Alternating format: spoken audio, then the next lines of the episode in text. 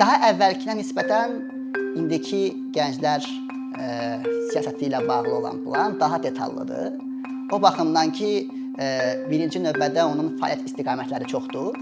Amma ümumən əsas problem ondan ibarətdir ki, bütün tədbirlər planında gənclərin iştirakçılığı ilə bağlı demək olar ki, bir cümlədə yoxdur.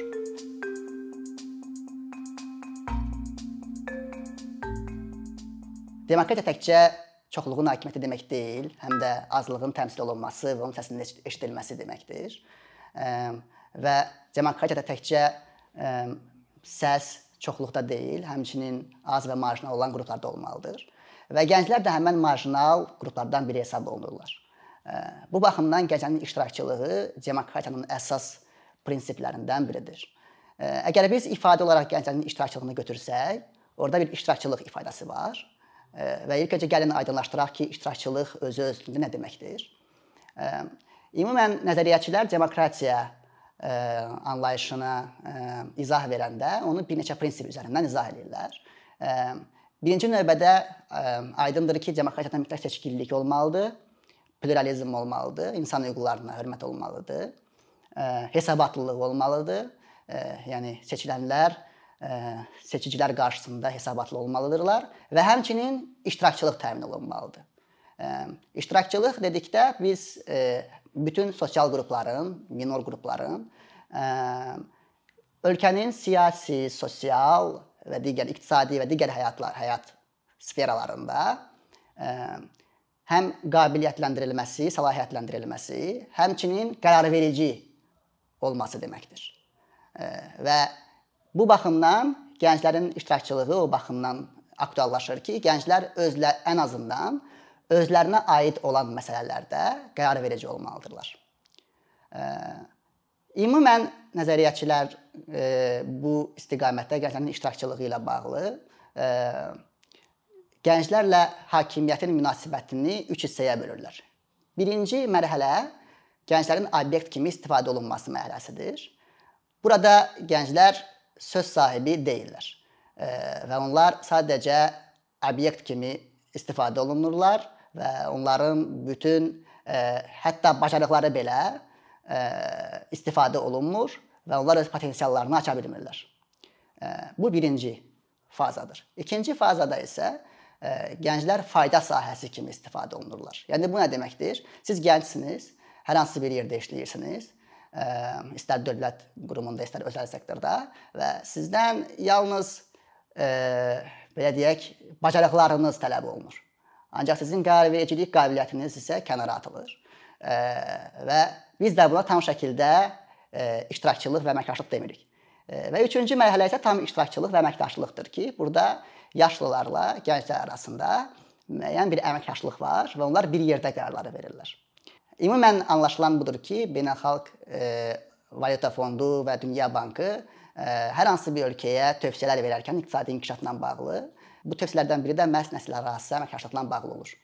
E, və bu əməkdaşlıq olmadığı təqdirdə həmin ölkələrə e, müəyyən tövsiyələr verilir ki, bu əməkdaşlığı necə qura bilərlər və e, necə iqtisadiyyatı irəli apara bilərlər.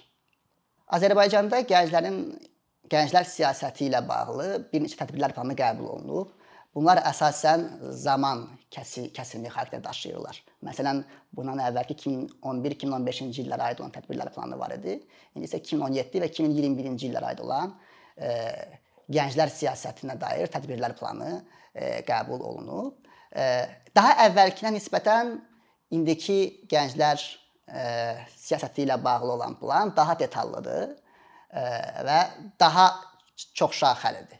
O baxımdan ki, birinci növbədə onun fəaliyyət istiqamətləri çoxdur.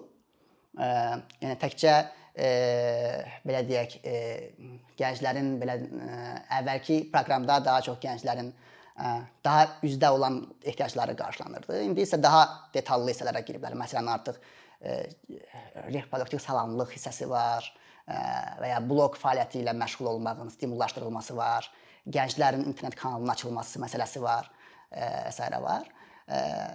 Və amma ümumən əsas problem ondan ibarətdir ki, bütün tədbirlər planında biz gənclərin iştirakçılığı ilə bağlı, yəni bayaq danışdığımız məsələ ilə bağlı ki, hansında ki, onlar tam iştirak edə bilirlər. sosial, iqtisadi, siyasi həyatda gənclərin iştirakçılığı ilə bağlı demək olar ki, bir cümlədə yoxdur. Yəni bu nə deməkdir? Bu deməkdir ki, gənclərin qərar verici kimi bir simasının formalaşdırılması tədbirlər planında yer almır. Bu baxımdan bizim tədbirlər planının əsas nöqsanlarından biri bundan ibarətdir.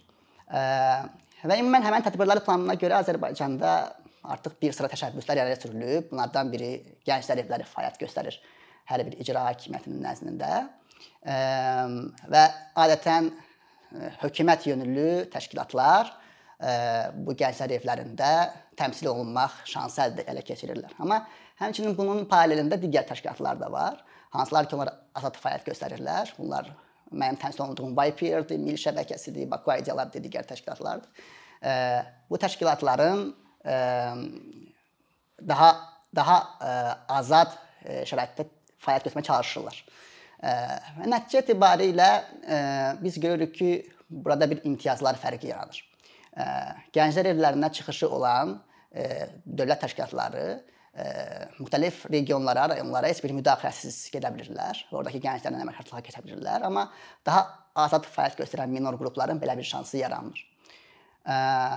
Bu birbaşa həmin təşkilatların qarşısında olan siyasi bariyerdir. İkinci məsələ bundan ibarətdir ki, ümumən Azərbaycanın gənclər siyasətində medianın, beynəlxalq donorların, ümumiyyətlə ictimaiyyətin tərəfdaş kimi e, nəzərə alınması yoxdur. E, məsələn, heç bir yerdə yazılmayıb ki, biz mediadan əməkdaşlıq edirik gənclərin e, siyasətindən bağlı. E, və bütün e, belə deyək, yük tamamilə dövlətin və hökumətin e, nəzarəti altındadır. Və təbii ki, bu sadaladığım məsələlər gənclər siyasəti ilə bağlı əsas problemlər, problemləri ifadə eləyir. E, və digər bir məsələ də ondan ibarətdir ki, Azərbaycanda gənclər siyasətinin özünə məxsus kənarları var. Burada siz əgər həmin sənədə baxsanız, açıq şəkildə görərsiniz ki, ə, milli vətənpərvərlik və dövlətçilik ənənələri və ə, militarizmə çağırışlar ə, həmin sənəddə öz əksini tapır. Ə, və biz zaman-zaman gənclər təşkilatları arasında bu tip tədbirləri görürük. Xüsusən də militarizmə çağırışla bağlı. Gənclərin əskəri hərbi xidmətə hazırlığı ilə bağlı və ya e, ölkədə vətənpərvərlik ruhu adı altında militarizmin təbliğ olunması ilə bağlı. Bu Azərbaycanın e, xüsusiləşdirən bir e, haldır gənclər siyasəti ilə bağlı. E, Başa düşmək olar ki, ölkə konfliktdədir, münaqişə yaşayır və ona görə də belə izah oluna bilər ki, dövlət təhlükəsizliyi baxımından bu əhəmiyyətlidir. Amma tövsiyə olunan məqamlardan biri ondan ibarətdir ki, biz e, e, əgər qonşu Gürcüstana baxsaq, e, ki, Gürcüstan da təqribən Azərbaycanla eyni vəziyyətdədir münaqişə baxımından, e, oradakı gənclər siyasətində açıq bir şəkildə gənclərin e, münaqişəyə transformasiyasına, münaqişəni transformasiya etməsi ilə bağlı qabiliyyətləndirilməsi nəzərdə tutulur. Bir və iki, orada sərhədlər arası əməkdaşlıq irəli sürülür. Bunu tam olaraq tətbiq etmək olarmı? Biraz sualdır. Təbii ki, hər bir konfliktin özünə məxsus keyfiyyəti var. Amma nəticə etibarilə Azərbaycanda bunu qeyd etmək lazımdır ki, gənclər siyasətinin xüsusi belə deyək, gözə çarpan cəhəti nən biri də həmçinin militarizmə çağırışlarının olmasıdır. E, ümumən isə hansı tövsiyələr vermək olar gənclər siyasətindən bağlı? E, əvvəl qeyd etdiyimiz kimi gənclər siyasəti sadəcə dövlətin və bir qrup siyasi qrupun əlinin altında olmamalıdır. Bu həm mediaya açıq gənclər siyasəti olmalıdır. E, həmçinin digər maraqlı qruplara açıq e, gənclər siyasəti olmalıdır. Həmçinin Avropa təcrübəsinə baxsaq, e, gənclər siyasəti həyata keçirmək üçün birbaşa gənclərlə məsləhətləşmək lazımdır. Bunu necə etmək olar? Avropa təcrübəsində bu yerli bələdiyyələr vasitəsilə həyata keçirilir. Yəni həmin bələdiyyələrdən soruşulur ki, yerli gənclərin ehtiyacları nədən ibarətdir və biz necə onlara kömək edə bilərik? Və Azərbaycanda da hər hansı bir üsulla bunu etmək mümkündür ki, gənclərin iştirakçılığı təmin olunsun. Və ümumiləşdirsək deyə bilərik ki, gənclərin gənclərin iştirakçılığı təkcə onların ə, səlahiyyətləndirilməsi deyil, təkcə onların qabiliyyət artırılması deyil, həmçinin onların bir qərarverici kimi bütün ölkənin siyasi və sosial həyatında iştirak etməsini özündə ehtiva edir.